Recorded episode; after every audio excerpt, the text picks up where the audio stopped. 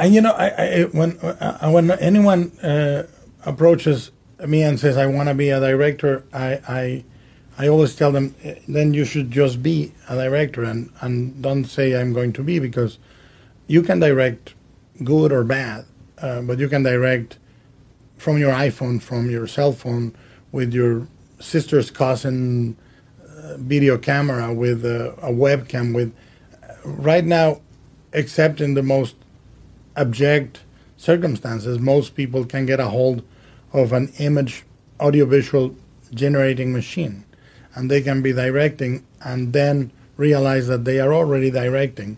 Directing should doesn't mean anymore and shouldn't mean anymore directing feature films. I, I think that uh, uh, as i said with series like breaking bad I, I, was not only amazed at the way it was written but the way it was uh, staged on camera it was a really well directed series and and video games also can do that. And I, I, think that so as long as you have you have minimal access to any media, you should be a director if you feel like you.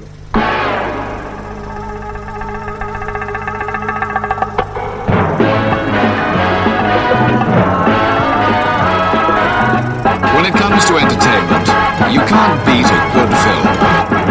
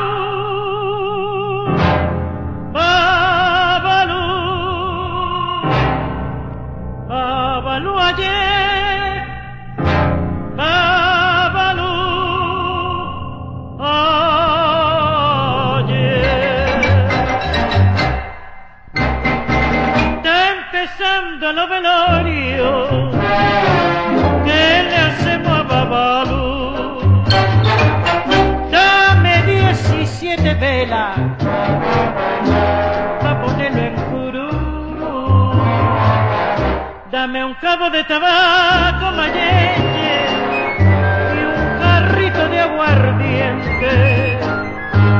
Dame un poco de dinero, mayense, pa' que me dé la suerte.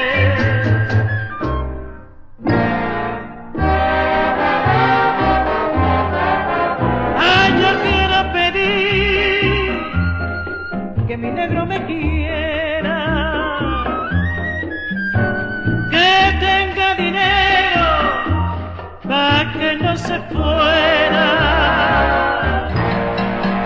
le quiero pedir a Babalu que un negrito pensando como tú, que no tenga otra negra para que no se fuera.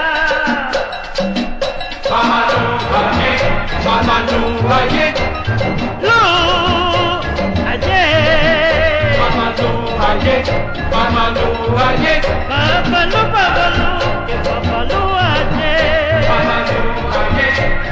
Papa Lou, I get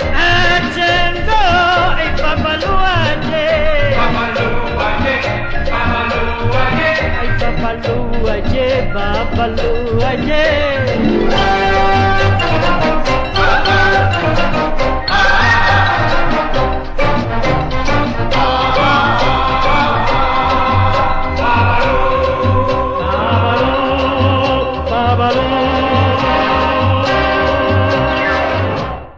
Mijn nummer 7 is Hellboy 2, The Golden Army. Hij zal even voorbij komen bij uh, Ivar. Uh, ik, ik, vind het. Uh, ja, dit is natuurlijk een vervolg. Nou goed, grappig, haha, dat uh, lijkt me logisch. Maar ik vind het wel een. een, een het is inderdaad meer van hetzelfde. Eh, de, eerste, de eerste film ehm, is een hele fijne introductie van Hellboy en al zijn eh, medestrijders en alles wat eh, die wereld eh, te brengen heeft.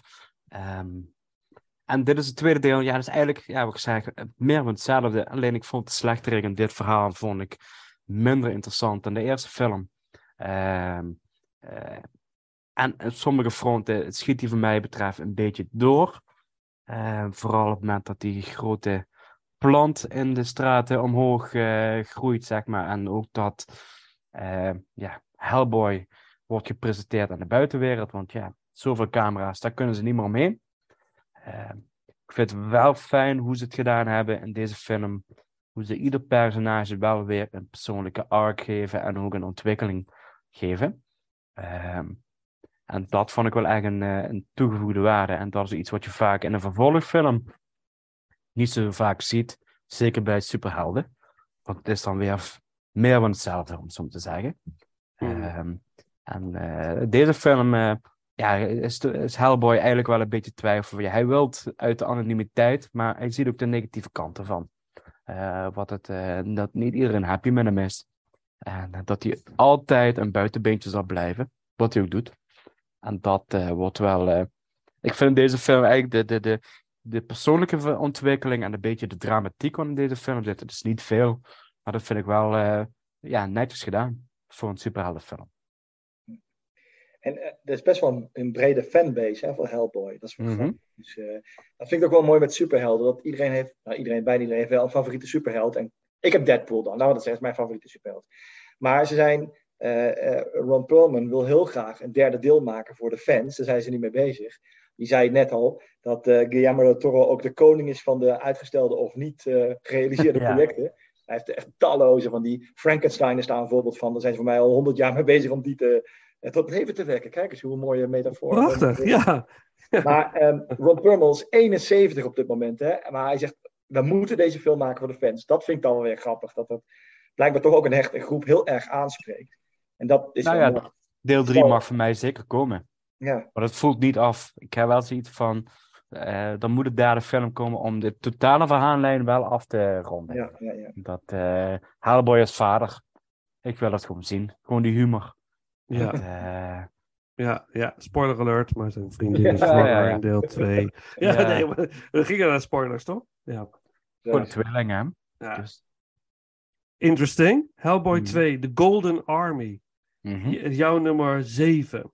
Yes. Ehm, ehm, Oké, mijn nummer 7 is Hellboy 1.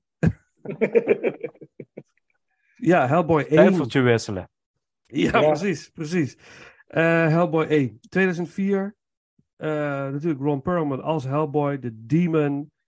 Die wordt gered in het begin van de film door de, van de nazi's eigenlijk. En daar wordt eh, opgevangen, opgevoed door een scientist. En vervolgens schaal wordt gehouden in het Instituut voor Paranormal. En wat zeg het is, eh, in ieder geval buitenaardse vreemde creaturen die misschien iets kunnen betekenen voor de, de ontwik- ontwikkeling op aarde. Sorry, en bescherming. Eh, en eh, Hellboy wordt, wordt de superheld eigenlijk, maar in de anonimiteit vecht hij tegen de monsters die onze aarde bedreigen.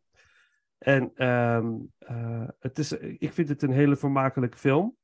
En daar, was het.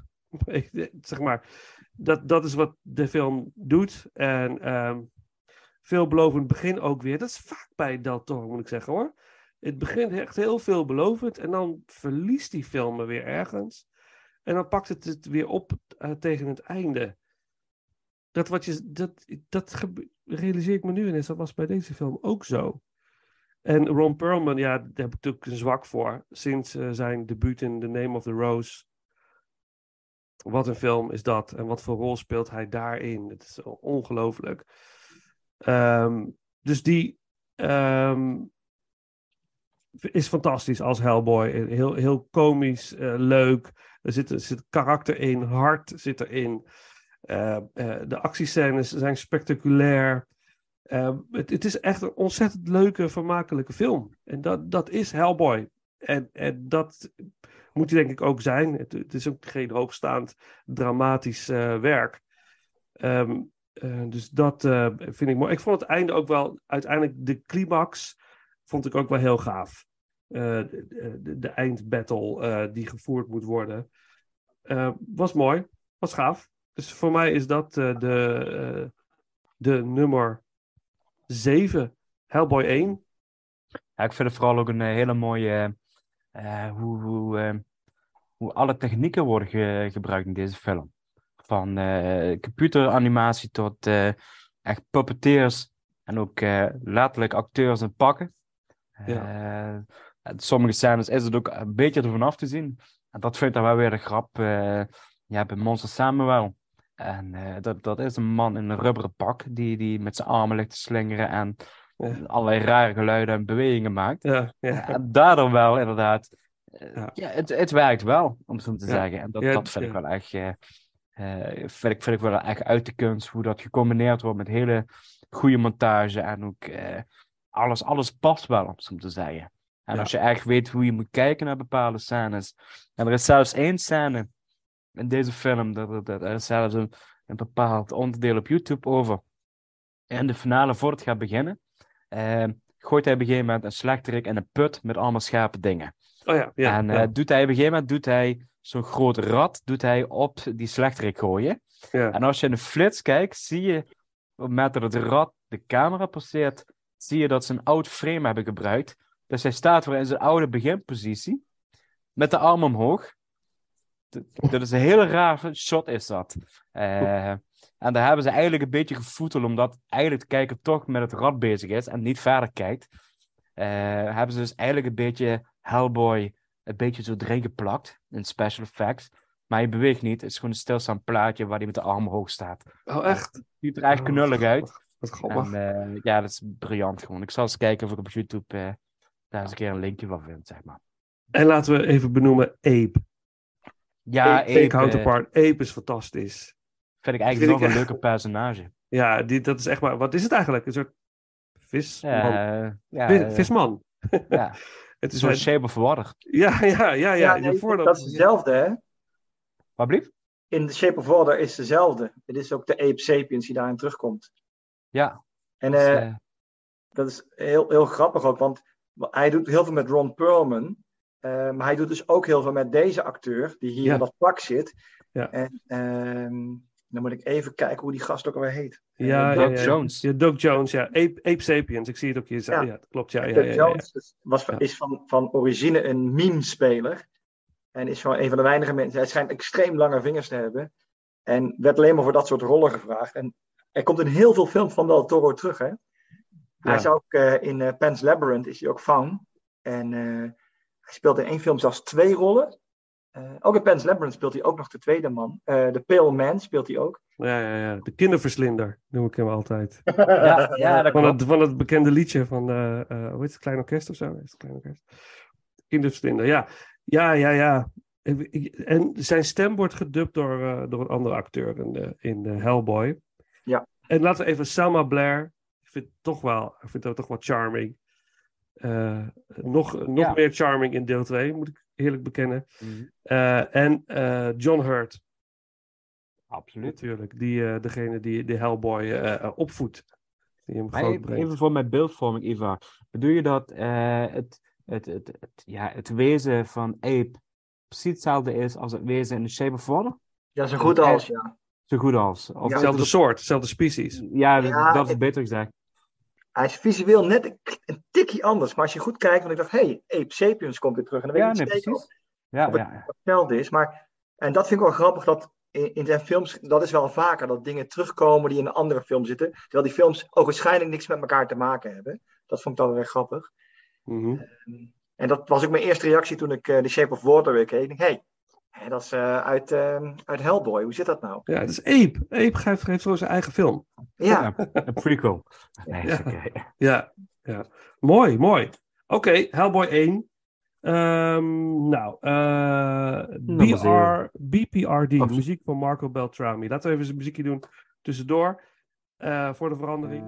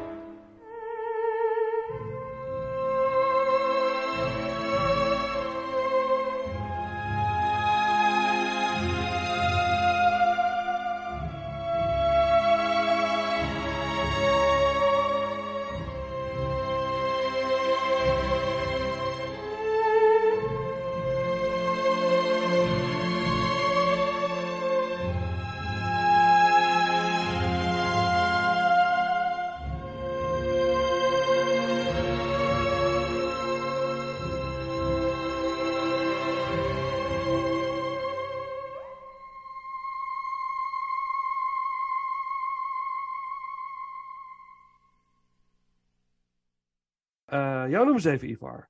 Ja, mijn nummer 7. Ik ben verder goed te verstaan toch, Vincent, nog niet? Ja, zeker. Absoluut. Ik- Ja, ik- 100%. Ik zat de hele tijd met oortjes in en ik kwam er na drie kwartier achter dat die oortjes helemaal niet werken. Ik zat gewoon de speaker hier te praten. Dus ja. Maakt niet uit, even dat goed is. Hey, mijn nummer 7 is eh, Pacific Rim.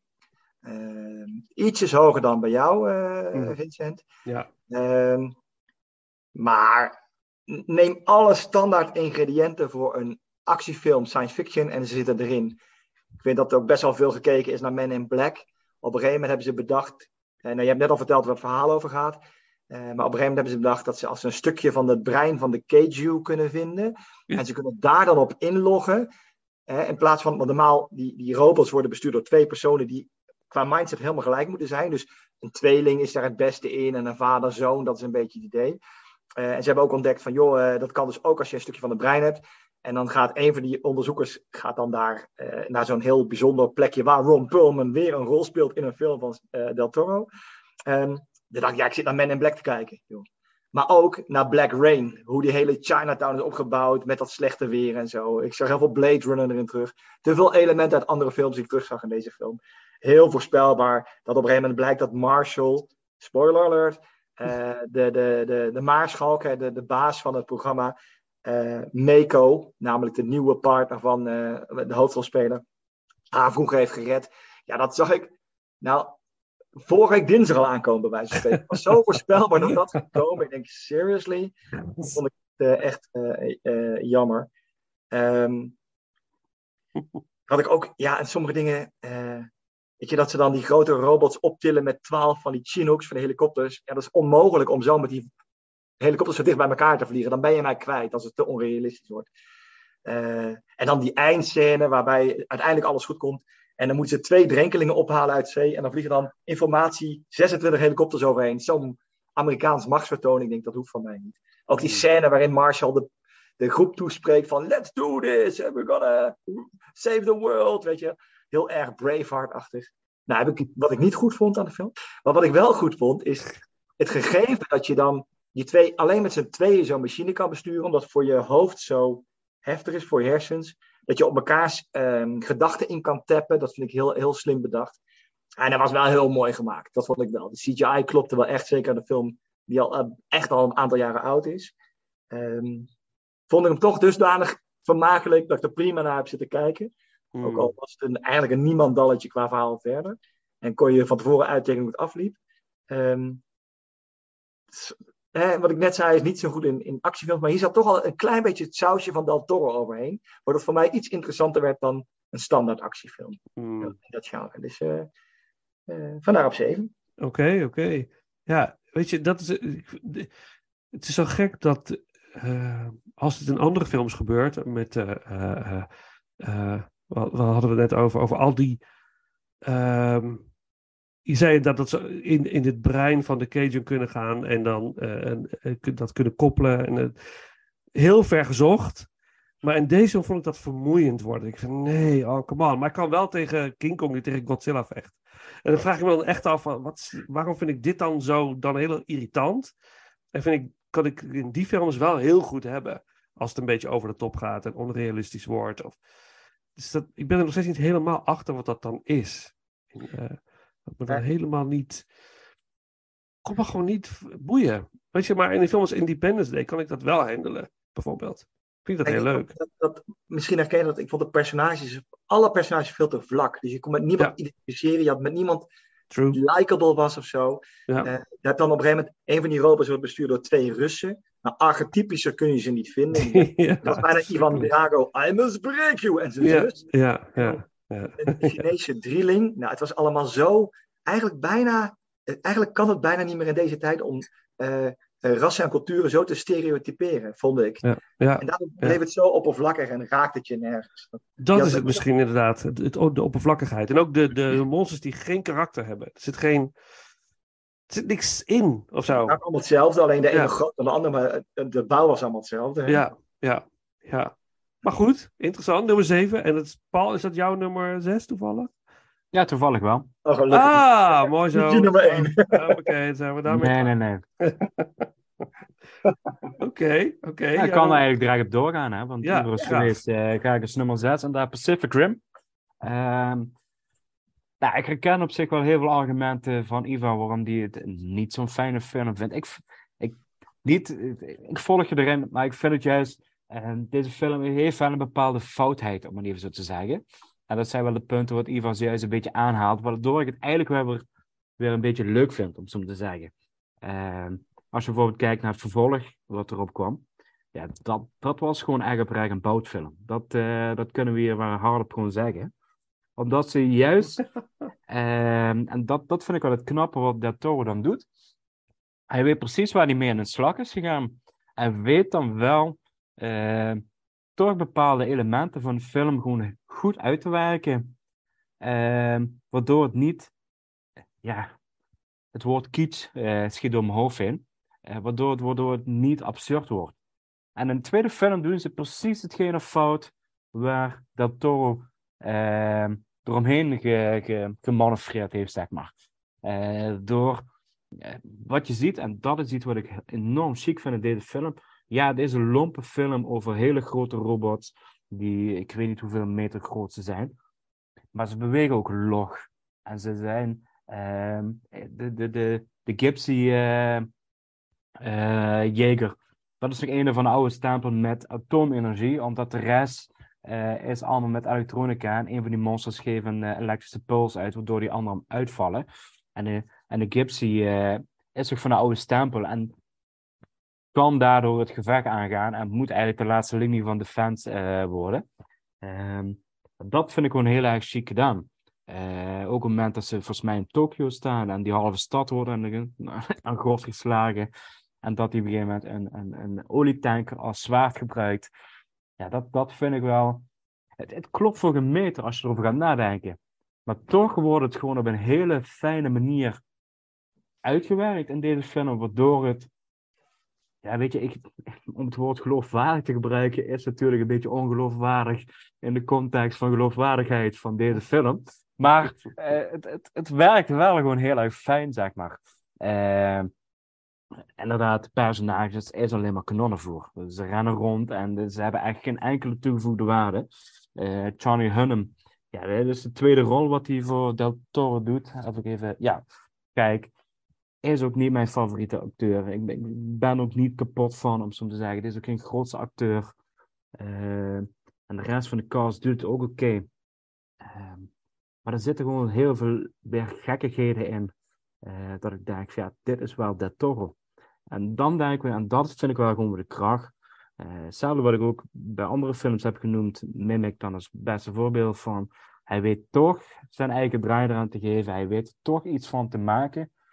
Waardoor het gewoon heel erg vermakelijk is. En heel erg zijn film is, om zo te zeggen. Want hij krijgt natuurlijk ook een enorme vergelijking met de Transformers film. Mhm, Ja, mhm. dan zei ik gewoon heel reëel van, afgezien van één Transformer film, of misschien een anderhalve Transformer film, dan heb ik liever Pacific Rim, die heel goed uitgewerkt wordt, dan het metalen schroop wat we met heel veel Transformer films hebben gekregen. En dat is oké als je daarvoor gaat, en het is popcornvermaak, en fastfood eh, cinema. Maar daarin zie ik wel bij Pacific Rim van, hier is wel nagedacht over bepaalde natuurwetten en over bepaalde verhoudingen. En je moet me niet vragen, want er waren niet mijn sterkste vakken op school, zo eerlijk ben ik er ook in.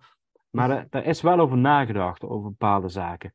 En dan denk ik van, je merkt heel duidelijk, zowel de acteurs, nee, sorry, de karakters, hebben hun beperkingen. Want ze weten ook, ze kunnen niet meer dan dit bieden, want anders worden ze zelf knettergek door die, door die verbinding eh, online. Maar ze weten ook, hun robots hebben ook maar hun restricties. En met die restricties moeten ze het gevecht aan gaan. Terwijl in het tweede deel, ja, daar springen, vliegen en maken robots koprollen, dat ik denk van ja, wacht eens even. Oh, is dat zo? Ja, ik weet Ik het ga niet niet meer. eens of- kijken hoor, vertel het maar. Nee, nee, ja. Nou, ik zit, maar dat is volgens mij een kleiner robotje, om het zo maar te zeggen. Een mini-robotje. Tegen die grote monsters. Ja, die is dan een onderdeel. En, het is, en, in het verhaal zit ook ineens een kind wat een robot gebouwd heeft. Weet je wel? Oh ja. Denk ik van, oh nee, dat hadden we nog niet gehad. Dit is een Altijd beetje wat je... kinderen. Ja, die kinderen. ja, nee, dit is wel weer echt zo'n lui schrijfwerk. Van laten we vooral een kind erin zetten wat briljant is om zelf zo'n robot in de kaart te zetten. Waar de overheid eh, miljarden in gestoken heeft met allerlei eh, knappe koppen. Maar een kind eh, van ballet doet het even. Ik weet het niet waar, waar ze vandaan komt. Mm. Maar dat is dan. En dan heb je een robot die kan die koprollen maken en dit en dat. En dan denk ik van ja, maar wacht eens even. En dat zag je begin met Transformers ook. Hè. Dat, die waren allemaal dingen doen. Ik denk van ja, sorry, maar de, de hele geloofwaardigheid, wat in de eerste film redelijk goed werd gepresenteerd, ja, is helemaal weg. En dat Mm. vind ik dan knap om dan even terug te komen bij de toren. Van hij weet dan wel hoe hij dan met dit gegeven moet in de slag moet gaan om dit gewoon wel goed te presenteren. Ja, ja, helder, helder. Ja, mooie eh, relaas. En ik snap, ik, ik snap het wel, ja. Het is, het is wel, vergeleken met Transformers, is dit iets geloofwaardiger, inderdaad. Ja. Ik heb trouwens, even, ik heb volgens mij maar één Transformer film gezien. Gelukkig. Gaan we die ook nog een keer ranken? Misschien gaat iemand dat wel een keer voorstellen. Ik wil Transformers ranken. En dan moeten wij natuurlijk zeggen, ja, natuurlijk. Zet hem op de wachtlijst. Ja, Ja, De eerste Ja. is nog wel te doen. De eerste is nog wel te doen. Met Megan Fox, dat is wel oké. zeker. Maar Daarna, daarna, eh, maar daar ben ik wel Paul eens. Dat, dat, eh, dat is wel een onderscheid dat Ja, ja. Dat, Mooi, dat, mooi. Dat, dat Paul duidelijk een 3 had voor natuurkunde op school blijkt. Want met eh, wat ik net over die helikopters vertelde, kan natuurlijk echt niet. Maar ja, ja, precies. Nee, maar dat, dat is absoluut een trekpunt, wat je zei van... eh, Ja, maar, Ja. maar, maar, maar voor, wacht even. Maar heel vaak kunnen dingen in films niet. En die worden, accepteer ik dan wel. In James Bond en in Indiana Jones. En in, en, maar in deze film kan ik, kan ik het niet. Dus het heeft, dat is iets in die film wat dat doet. En het kan inderdaad de oppervlakkigheid van de karakter zijn. Dat je niet mee kan gaan in het verhaal. Dat, je niet, eh, dat, je niet, dat niet relatable is. Dat, dat zou best wel eens de, de reden kunnen zijn hoor. Dat het Ja. je niet begrijpt. Dit is, dit is een samenvoeging van een aantal factoren. Dus net als je een recept gaat maken. Je hebt, je hebt een aantal ingrediënten, die moet je in de juiste verhouding bij elkaar zetten om daar gewoon een goed gerecht van te maken. Zo Ga je er ergens mee sparren of ga je er ergens mee over de, over de schreef heen, ja, dan kan dit gewoon ten nadele uitvallen eh, eh, voor je eindproduct. En dat Ja. is wat ik soms bij films zie, en of het nou James Bond is of andere actie, actiefilms. Eh, ik had het laatst met Bullet Train ook. eh, op een gegeven moment is er een scène dat Brad Pitt en die andere acteur, Aaron Taylor-Joy, of ja, in elk geval. Ja, en dat hele Joy. Ja, toch? Oké. Of Johnson, Aaron Taylor-Johnson. Johnson, ja, en dat hele jo ja. Joy is ook de vrouw. Die, die, die hangen op een gegeven moment, wordt een deur eruit geblazen. En eh, zij hangen ineens aan, aan, aan, aan een of ander lijntje, ketting, ik weet het niet wat het is. Eh, maar dat was een dat ik dacht van, ah nee hè. Maar het is wel dat hele Joy. Sorry, sorry, ga door, ga door, Pa- Paul, sorry. sorry. Ja, nee, dat is een actrice waar we mee zijn, eh met eh, Anna Taylor-Joy. Dus eh dat zou hij willen dat hij met haar uit het raam hangt. Maar dat is Ja. even een ander verhaal. maar... ik moet het terughalen, ik weet het niet meer. Ja, oké. Maar in ieder geval, ehm, daar worden de natuurwetten ook eh, helemaal mee getart, zeg maar. Maar de hele film is zo. En dan kun je het hebben. Want je weet waar je naar zit te kijken en je weet wat voor, waarvoor je het kaartje hebt gekocht. Ja. Als je ineens een film hebt die bloedserieus is en er komt ineens zo'n scène voorbij, dan denk je, ja, ga weg. Hallo, Ja. hier heb ik niet voor betaald. En daarom, dat, dat, er komen zoveel elementen komen, komen erbij kijken. En dat is iets wat ik ook steeds meer in de Marvel eh, films zie. Gewoon van, er worden sommige dingen, worden, worden ze lui in. Ze nemen Mhm. dat, daar hebben ze iets van, ja, dat zal het publiek wel voor lief nemen. En dan Ja. denk ik, op het moment dat je zo gaat denken, ik weet niet of dat letterlijk zo denken, maar je maakt wel van, ze, ze, zoeken, ze zoeken de reg op. En daar gaat het vaak de fout in. Je Mhm. mag best mag jij spelen met natuurwetten en dat dingen niet kloppen en noem maar, maar op. Maar het moet wel binnen een bepaald kader blijven. Dat is ook het leuke aan een film. Ja, Dat ja. je, je kan alles doen. Eh, Mhm. En het is inderdaad, eh, wat bij Marvel, de balans is weg. En dat had- hadden ze in de eerste twee of drie fases. Was die balans heel mooi aanwezig en bouwde het mooi op naar een grote finale. En daar had het moeten stoppen, vind ik. Dat was een prachtige finale. Oké, maar daar hebben we het niet over. Eh, Pacific Rim. Genoeg over Pacific Rim. Mijn nummer 6 dus. Jouw nummer 6. En de muziek hadden we al gedaan. Eh, dan doe ik mijn nummer 6. Ja, mijn nummer 6. Wat een heerlijke film is dit. En het gaat helemaal tegen jullie principes in. Denk maar, Hellboy 2. Wat een feest, vond ik dit. ik vond die bad guy wel heel tof. De, el de Elfen. Eh, het is volstrekt ook ongeloofwaardig dat er een elfenrijk is. Met een die eh, gestreden heeft met de mensen. eh, daarvoor een Golden Army heeft ingezet, maar uiteindelijk een vrede sloot. En de Golden Army is opgeslagen ergens. En nu is de, de, de zoon van de Elfenkoning wil eigenlijk eh, de wraak op, op de mens, de mensen. En wil eigenlijk de Golden Army weer doen ontwaken. En een oorlog ontketen tussen mensen en elfen. En de monsterwereld eigenlijk.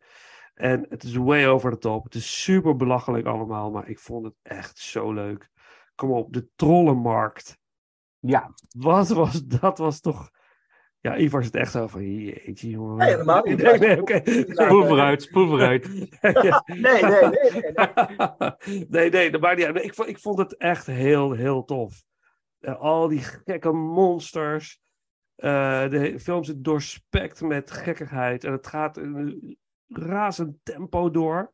Het kakt geen moment in, voor mijn gevoel. En dat vond ik heerlijk. Het is echt zo'n rollercoaster ride film. En eh, ik, ik, ik vond het in vergelijking met deel 1, dit vond ik veel en veel en veel leuker. Dus, en en eh, het zag er prachtig uit. Eh, natuurlijk, het is, allemaal, het is allemaal heel cheesy. En ik vond het leuk dat, dat hoe heet ze in de film? Selma Blair, wat is haar naam in de film? Eh, Liz Sherman. Liz, ja. Eh, dat zij zwanger is. En eh, het- ligt er al heel dik bovenop, vrij aan het begin van de film, als ze zo temperamentvol is en niet, bijna niet te hanteren. is, en, door die, en dan de ontwikkeling tussen die twee vond ik heel bijzonder. Ik vond de Tooth Fairies echt verschrikkelijk irritant eng. Want stel Ja. je voor dat een Tooth Fairy echt zo is, die je gewoon helemaal opeet en niks van je overlaat. En ze beginnen bij je tanden. Moet je nagaan hoe, hoe akelig dat is. Dat zo'n ding aan je tanden gaat knauwen. En there's no way back, weet je. Je bent gewoon... Het is gewoon klaar met je. Dat, En eh, Jorn Kraus ja, en Kraus natuurlijk. Die, eh, die, eh, de vind ik wel een leuk Duitse, personage. de Duitse eh, wat is het eigenlijk? Ja, een soort eh, eh, eh, duiker. Zo ziet hij er een beetje uit. Ja, is een krasvorm, hè? ja, prachtig, prachtig. Ik vond het heel, eh, heel erg leuk. Dus ik vond dit eh, een verbetering op de eerste film. En eh, eh, ja, dat. En ik vond het heel grappig, dat, het heel leuk grapje van dat hij op een gegeven moment zegt, dan hebben ze zo'n radioverbinding met elkaar, de scène met de Tooth Fairies. En dan zegt de Hellboy ja, ja, hey, tegen Liz, hey babe, don't call me babe, I, I- meant ape. En weet je, dan heeft hij tegen, tegen ape. Ja, dat soort grapjes, ik vond het toch wel Ja, leuk. Humor zit goed in deze film. ja, ik vond het een hele, hele vermakelijk, fijne, leuke film. Dus eh, vandaar dat hij eh, voor mij op eh, de nummer 6 staat. Genoeg over gezegd. Muziek. de introduction plus de main titles. En muziek nu door Danny Elfman. Toch wel de superheldenfilm Composer King. dat, eh eh eh, wat hij nog steeds, nog steeds niet Batman 1989 heeft getopt wat dat betreft, vind ik. Dat die soundtrack is toch wel meesterlijk. Vinden jullie dat niet? De muziek uit de Batman film uit 89 met Jack Nicholson. En dan niet de Prince. Je had, had twee soundtracks, hè? Even. Er was een, een soundtrack van Prince. Met alle nummers van hem die werden gebruikt in de film. En een soundtrack met de score door Danny Elfman. Fantastisch. Maar goed, oké. Weinig enthousiasme aan onze kant, maar ik ga... Ja, ja, ik hoor het, ja. ja dan, laten we dan maar eh, naar muziek gaan luisteren. Eh, Danny Elfman, de main titles en de introduction uit eh, Hellboy 2. En dan jouw nummer 6, Ivar.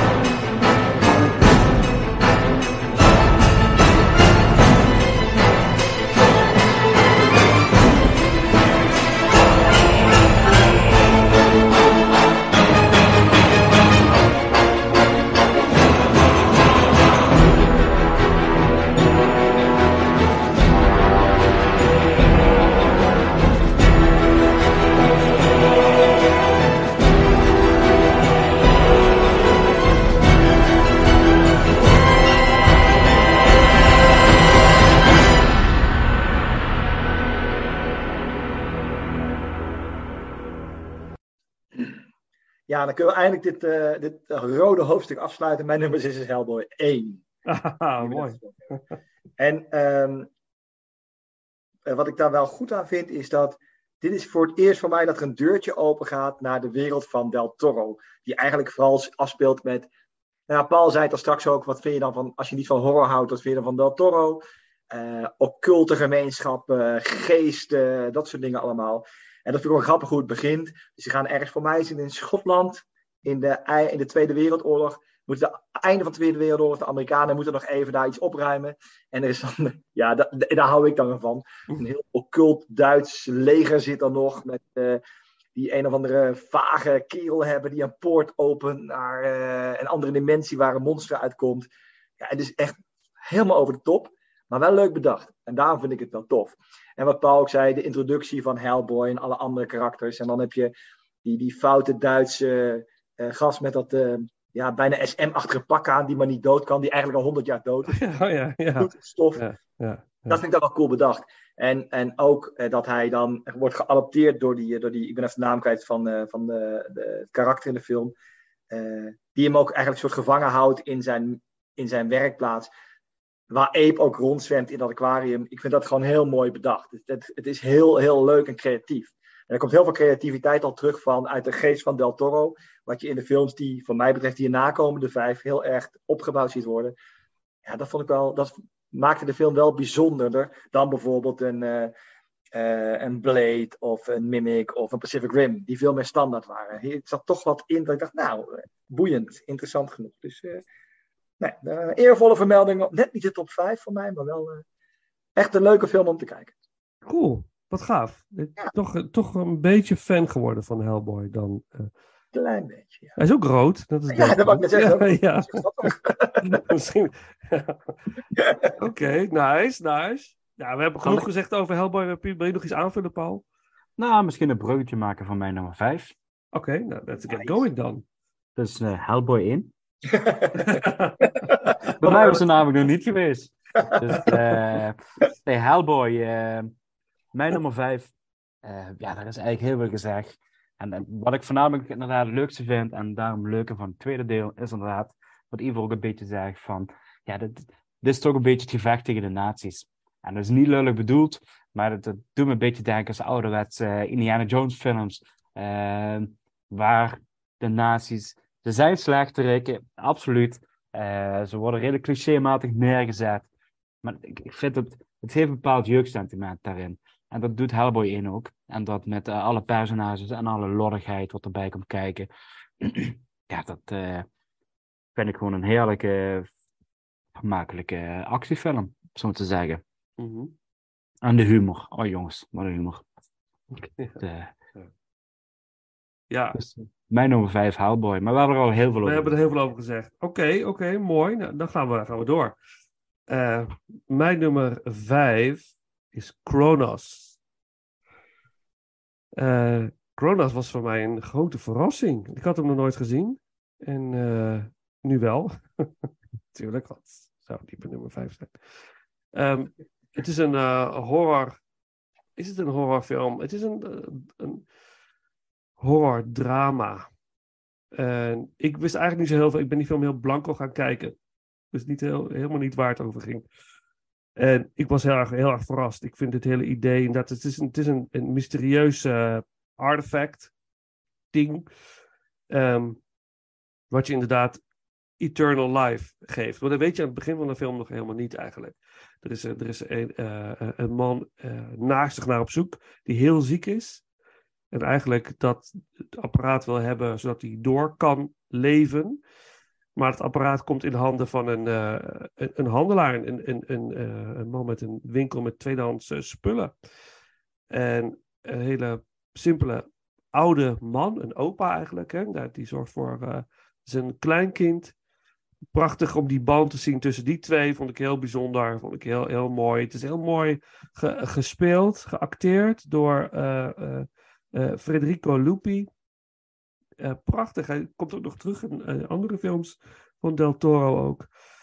En Ron Perlman zit erin als de henchman van De La Guardia. En Eh, de Demand de LaGuardia die wil zeg maar dat device hebben voor zijn, eh, om, om te kunnen blijven leven. En Ron Perlman is een henchman die eigenlijk dat, dat device moet zien te krijgen. En die twee hebben echt een enorme haat naar elkaar, maar ze hebben elkaar wel nodig. Dat vond ik wel heel grappig. En Ron Perlman is echt niet op zijn best in deze film. Maar ik vond het wel heel charmant allemaal, heel leuk.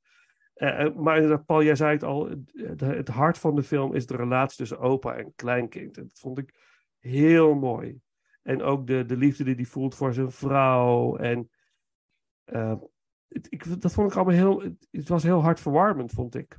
Eh, en daaronder lag die dreiging van het, van het device. En echt misschien iets wat we eigenlijk allemaal wel zouden, misschien stiekem zouden willen. Iets wat je leven zou kunnen verlengen. Eh, dat vond ik ook wel heel interessant. Maar dat heeft natuurlijk ook een hele donkere kant. Want op een gegeven moment sterft hij ook echt. Hè? Wordt, hij wordt vermoord.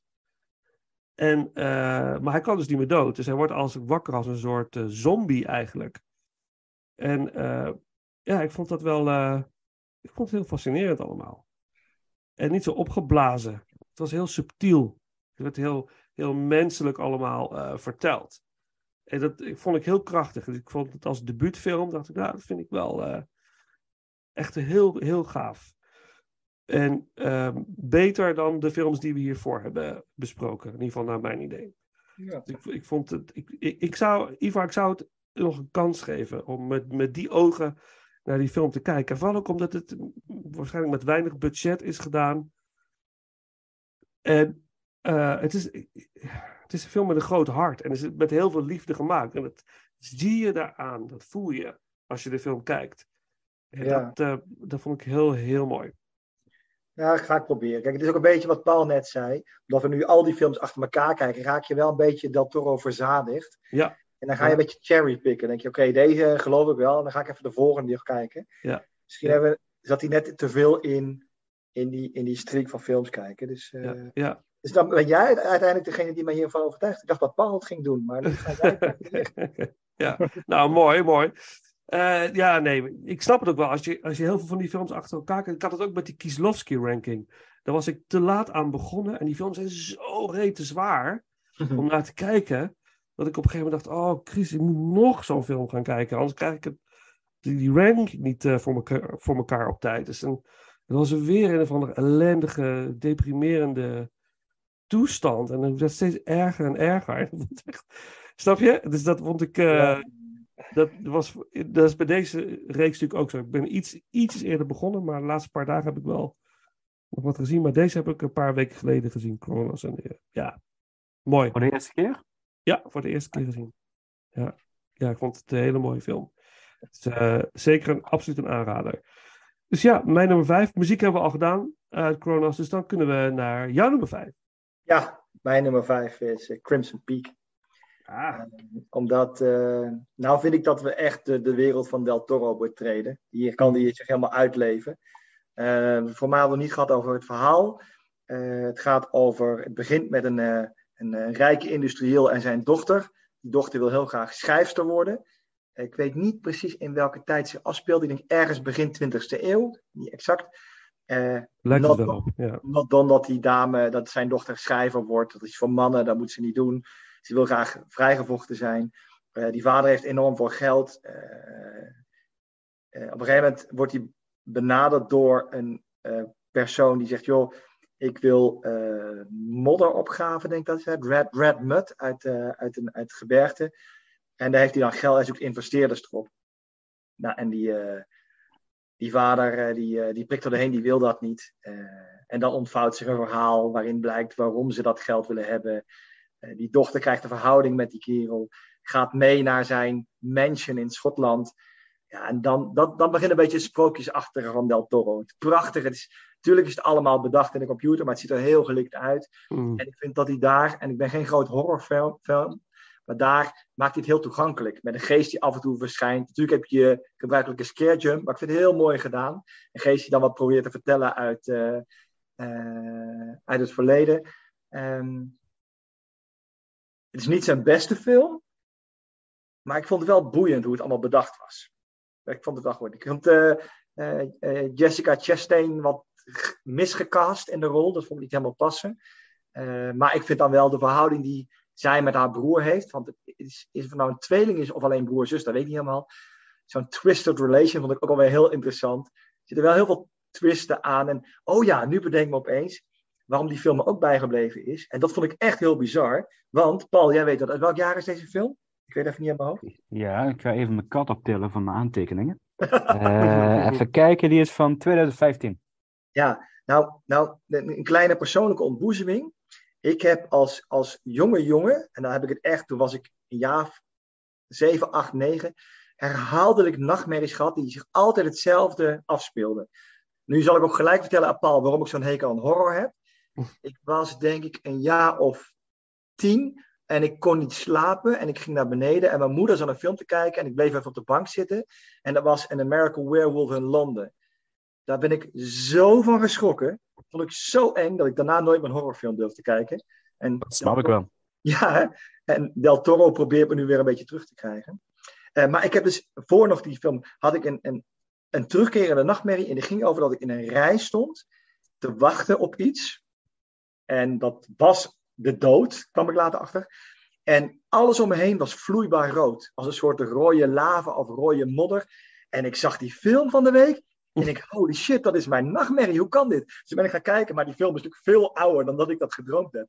Maar dat vond ik zo fascinerend. Dat iets waar ik als kind bang voor was, dat dat terugkwam in die film. Op een manier waardoor die heel, op een goede manier super spannend werd voor mij. Dat ik dacht, hé, hey, misschien moet ik toch wat meer van die horror gaan kijken. Dus ik vond het heel leuk hoe ik daar weer in kwam op die manier. Dus ik vond het een bijzondere film. En het is niet zijn beste, maar het heeft mij wel geraakt. Wat gaaf, man. Dat is echt een heel cool verhaal. ja. Ja. ja, maar dat moet films met je doen toch, Vincent? Ja, zeker. Dat maakt het heel persoonlijk. En dat is, dat is juist wat zo leuk is. Aan, Ja. ja. dit, ja, wat. Oh, wauw. Nou ja, ik ben er stil van. Dus ja, ga er maar eens tegenin. nee, dat kan niet. Ja, ga, er ook, ga er ook niet tegenin. Ja, Nee. ik ben heel benieuwd. eh, Nu dit soort dingen hoor, misschien moet ik, moet ik hem nog een keer gaan, gaan kijken. eh, Als het moment daar is om dat te doen. Ik ben ook heel benieuwd door Pauls eh, visie. Ja, Maar eh, dit. eh, ja, en natuurlijk, de brute moord is natuurlijk wel weer heel heftig als de vader die vermoord wordt. Hij heeft iets met het inslaan van gezichten, hè? Ja. Ja. ja. Dat komt echt veel terug in zijn films. Dat, Het is een fetish. over dingen die terugkomen. En ik vertelde net van dat, eh, dat er altijd een autopsie is in zijn films, een mortuaria. Maar dat is een super interessant verhaal. Want toen hij nog geen ehm, regisseur was, toen werkte hij bij een psychiatrische inrichting. En dat was niet als dokter, maar hij was dan de handyman. Of hij moest eh, eh, de was doen en opvouwen en zo. En dan ging hij smiddags lunchen in het naastgelegen mortuarium. Daar ging hij lunchen. Dus er is iets met die jongen gebeurd in zijn leven. ja. Waardoor dat soort dingen altijd terugkomen in de films. Als, Ja. altijd, altijd een dissection. Er wordt altijd iemand opengesneden. Of je, je schedel ligt open of zo. Heel bijzonder. Maar wat grappig dat hij dat dan kwijt kan op een creatieve manier, hè? Wat hem misschien eh, of fascineert of Ja. eh hand in zijn. Ja, wat hem, wat hem, ja, dat is wel fascinerend. Ja. Wauw. En er ook zoveel geld voor krijgt. En er ook zoveel geld. Dat is Ja, ja. Oké, oké. Crimson Peak, nummer 5 voor jou. En wat is jouw nummer 4, Paul? We gaan inderdaad naar de nummer 4. En ik moet zeggen, mijn top 4 liggen wel heel dicht bij elkaar. Dit, eh, dit, dit, is, eh, die v- vind ik echt moeilijk, om zo te zeggen. Mhm. Ehm, mijn nummer 4 is The Devil Backbone. Devil's Backbone, ik moet het even Devil's goed zeggen. Backbone, ja. Dit is een eh Spaanstalige film uit eh, 2001. En het gaat over een, eh, een weeshuis waar een jongetje wordt ondergebracht.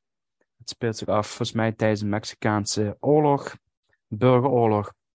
En ehm, ehm, Is de Spaanse burgeroorlog of is de Mexicaanse? Volgens, ja, mij, de Spaanse, volgens mij de Spaanse burgeroorlog. Oké, Spaanse burgeroorlog. Ja, volgens mij wel. Ja. Ehm, dit is eigenlijk en dit eh, jongetje dat ontdekt dat er, eh, dat er een spook heerst eh, in dat weeshuis. En dat krijgt nog een, een staartje, dat verhaal. En er lopen een aantal volwassenen rond die ook eigenlijk allemaal een dubbele agenda hebben, om even zo te zeggen. En sommigen helpen het verzet. De kinderen die daar zitten, die zitten ook met een reden. Er is een klusjesman, die is eigenlijk op, op het fortuin uit. Het goud wordt opgeborgen ligt in het weeshuis. Maar hij is op zoek naar de juiste sleutel om de kluis open te maken. En daar, eh, daarvoor moet hij eh, vrij ver gaan, laten we het zo zeggen. Ehm, en dit is, eh, ja, ik, ik, noem het eigenlijk een, een, een, een mooi sprookje, vind ik dit. Nou ja, ja, nee, ja, mooi sprookje. En het heeft er vooral mee te maken, dit is mijn kennismaking met, met goede sprookjes. En dan heb ik het niet over Casper het spookje, om het zo te zeggen. En, eh, maar het, eh, er waant een geest rond van een jongetje in de wasruimte van het weeshuis. Eh, en dat jongetje, dat, die geest probeert het nieuwe jongetje op een spoor te zetten om ten goede van alle jongetjes die daar zijn, ter bescherming van het kwaad wat in de volwassen mensen huist. En dat is iets, eh, dat was mijn eerste kennismaking met, eh, normaal was het altijd, geesten zijn altijd negatief, zijn boos, zijn, zijn eng, en et cetera. Maar dat was voor mij de, eerste kennismaking toen ik die film zag, eh, dat, dat er dus wat meer was, zeg maar. Dat er dus ook in een positieve manier de spoken iets kunnen betekenen voor de mensen, zeg maar. Entiteiten, of hoe je het ook wil benoemen. En dat wordt op een hele mooie manier wordt het in beeld gebracht. Zowel eh, eng, om het zo te zeggen, bloederig. Eh, er zitten ook wel een aantal hele spannende scènes in. Maar allemaal te behoeven van het verhaal om naar een ontknoping te komen die ik best ontroerend vind, zeg maar. Want uiteindelijk staan de jongetjes er alleen voor. En alle volwassen mensen met goede bedoelingen, eh, sommigen hebben goede bedoelingen, sommigen hebben minder goede bedoelingen. eh, allemaal ten, ja, een beetje over de rug van de kinderen, zeg maar. En eh, dat, eh, dat eh, raakte mij toen de tijd enorm. En ik heb hem dit weekend ook weer gekeken. En dat doe het eigenlijk nog steeds. Het is, het is een film van, van dik anderhalf uur. En het vliegt voorbij. En ja, de, de, de, de aankleding en hoe dingen weer in beeld worden gebracht. Ook daar inderdaad, ja, verliest iemand zijn gezicht, laten we het zo maar even zeggen. Ehm, dus de, de fascinatie van Del Toro komt er toch weer voorbij. Ehm, ja, dit is, dit is prachtig gemaakt. Het is eigenlijk een, een, een, donker sprookje, laat ik het zo zeggen. Een beetje à la Grim, Grim-verhalen. En eh, eh, dat, dat vind ik gewoon heel erg mooi, zeg maar. Ja, mooi gezegd. Mhm. Ja, hij komt bij mij straks nog voorbij. Dus eh, Mm. ik, ik, ja, ook. Dus. ik ben het bijna in alles met je eens. dus ehm, Maar ik vind het Ja. wel moeilijk om deze film uit te leggen wat het dan eigenlijk is, wat het, wat het voor mij doet, zeg maar. mhm, Dat, dat merk ik wel van. eh, de film raakt me. mhm. Eh, en ik, ik, moet, ik moet zeggen, en dat, dat zal ook bij de. Ja, bij, dat Toro werkt best veel met kinderen, of heeft best veel met kinderen gewerkt. En ik ben toch altijd weer enorm verrast wat voor talent hij voor de camera weet te presenteren qua kindacteurs. En die echt heel goed werk leveren, om zo te zeggen. En ik, ik vind het eigenlijk benoemenswaardig, om zo te zeggen. Dat Mm. eh, is echt heel bijzonder. En het is ook bij deze kinderen, de, de jongetjes van het weeshuis, zeg maar. Ja. Ja. Ja, ik ga er zo weer wat over vertellen. Misschien kan ik wel verwoorden wat jou raakt. Weet, weet het niet. We gaan, eh, maar het is inderdaad een, eh, een, een hele bijzondere film. Maar even een stukje muziek. Even layback. We gaan even een stukje pianomuziek. Er zit weinig muziek in de film. Wel wat, wat aan eh, eh, songs, eh, li- liedjes en zo. Maar er zit één pianothema wat heel veel terugkomt. Javier Navarrades. Eh, zeg ik dat goed? Navarrete.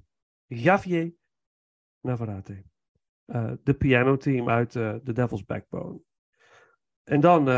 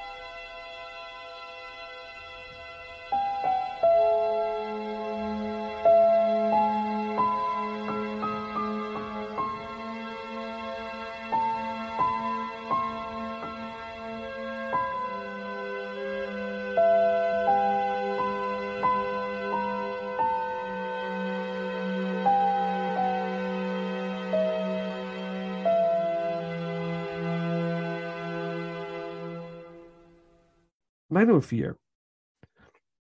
En mijn nummer vier is de Vampires tegen de Reapers.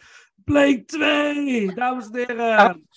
Hadden we die nog niet gehad bij jou? Nee, Nee, ja. Dat, eh non de jus, zeg. jullie kijken heel verbaasd.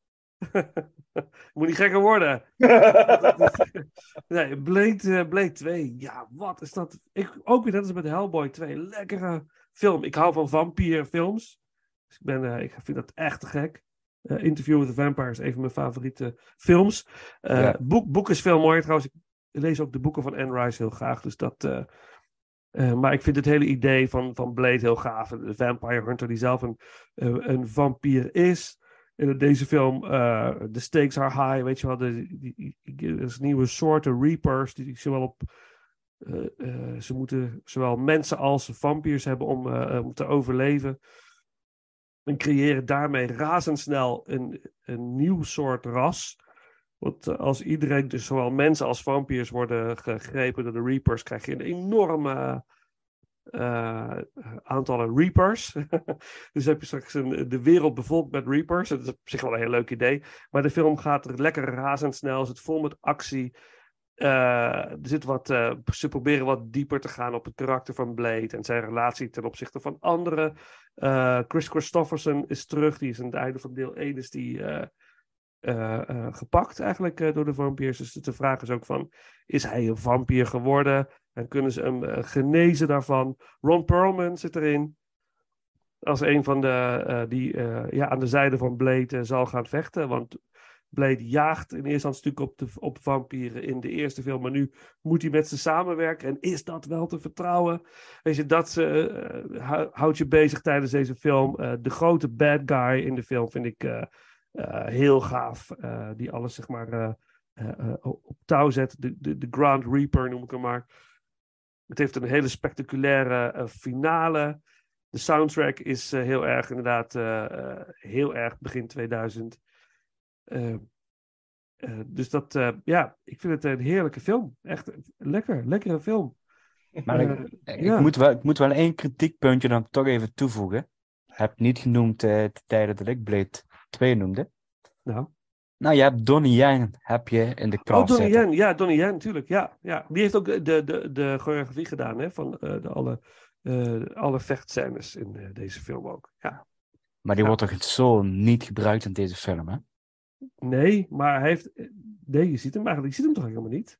Zie je, Ja, zie je hij is een, hij is een van de... Van Oh, de- natuurlijk, ja, hij is Snowman. Ja, Ja. dat zou kunnen. Ja, Ik weet ja, even niet hoe ja. zijn, hoe Nee, zijn nee, karakter heet. En ik vind die eh, scène in de. eh, Kerk? in de- in- ja, die is gaaf. Is Dat weet, dat weet ik, daarom zei ik het. Dus die, Ah, de, ja. de, de, de disco, maar ook eh, eh, eh, underground, in de, waar je het net over hadden. En de tunnels en de de, tunnels, riolen. ja, de tunnels, ja, de riolen, ja. Ja, dat vond ik, ik vond het wel cool. Ik vond het lekker wel cool. Zeggen. nee, maar- Nee, nee, nee, nee, nee. ja, Nou ja, nee, ik vind het een Nou hele ja. gave film.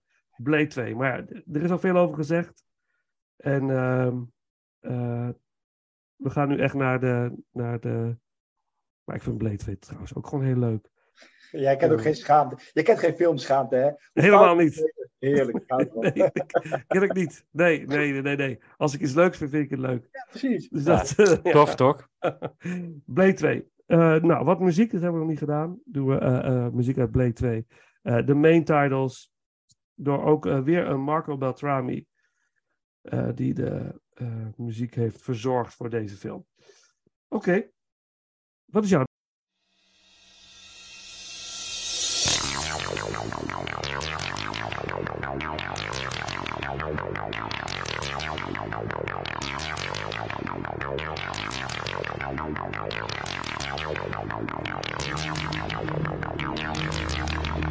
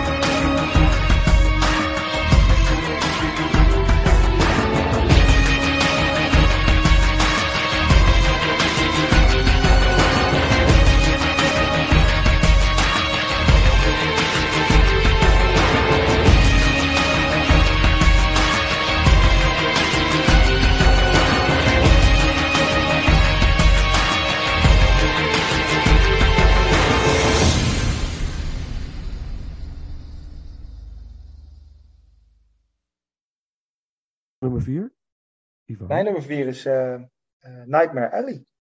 Wow, Ja, natuurlijk. Die... Oh, ja. Ja. Oh, wat staat hij hoog. Ja, maar anders dan, dan Paul had ik geen verwachtingen. Want ik, dat was te veel. Ik heb hem vandaag nog gekeken. Echt Mhm. net voordat we deze. Dat was de laatste die ik moest. En ik dacht, oh. Maar ik had, omdat we pas later begonnen, had ik nog tijd om te kijken. Ehm, ik had geen verwachting. Ik dacht dat het een oude film van hem was. En ik heb hem helemaal gemist. Door de pandemie waarschijnlijk. Al die films zijn uitgesteld. En deze is geruisloos de bioscoop in en uit gegaan. Mhm. Hij is wel genomineerd voor drie Oscars. Ja, true. Dat hij zou pakken, maar dat is niet, dat is niet gebeurd uiteindelijk. Ehm.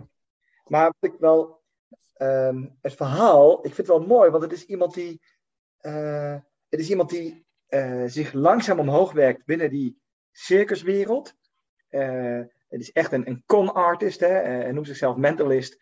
Hij kan mensen lezen en maakt er eigenlijk misbruik van door eh, stiekem achter hun rug informatie op te halen en dan doen alsof hij dat als een medium binnenkrijgt. Eh, waardoor die mensen helemaal meekrijgt en hun veel geld betalen. Eh, en zijn hoogmoed komt ten val uiteindelijk. En eigenlijk is het klassieke verhaal van Icarus. Dit is wat er gebeurt. Hij vliegt te hoog en iedereen waarschuwt hem: doe het niet, doe het niet. En hij doet het toch. En dan valt hij keihard. En natuurlijk zie je het einde aankomen, dat geeft niet. Ehm, maar dat vond ik toch wel heel mooi gedaan. Eh, je, ziet hem, je ziet hem naar de afgrond rennen. En iedereen roept stop en hij rent gewoon door en krijgt zijn verdiende loon. Het wordt ook steeds gekker wat hij doet om maar ermee weg te komen. Eh, en ik vond hem prachtig gemaakt. De, de hele, dat, dat hele circus en alles eromheen. Met al die verschillende attracties die ze bedacht hebben. Het zat zo goed in elkaar. William Dafoe, kleine rol, maar helemaal goed. Ik vond Kate Blanchett vond ik wel heel goed hierin. Fantastisch. Ik weet niet uit mijn hoofd hoe oud dat mens is, maar jezus, wat is die goed bewaard gebleven. En past zo goed in deze rol. Ik vond het echt heel erg mooi. En hoe ze hem uiteindelijk een loer draait op een hele slimme manier. Eigenlijk is zij dus nog gemener dan hij is. En dat heeft hij niet door. Ehm, nee, ik vond, het, eh, ik, vond het, eh, ik vond het een mooie film. En het einde zie je uiteindelijk, je ziet wat er gaat gebeuren. Maar toch brengen ze dat weer heel leuk. En dat vond ik, ik vond het echt een mooie film. Ik was aangenaam verrast, omdat ik geen verwachting had. En omdat het een echte Del Toro film is, vind ik.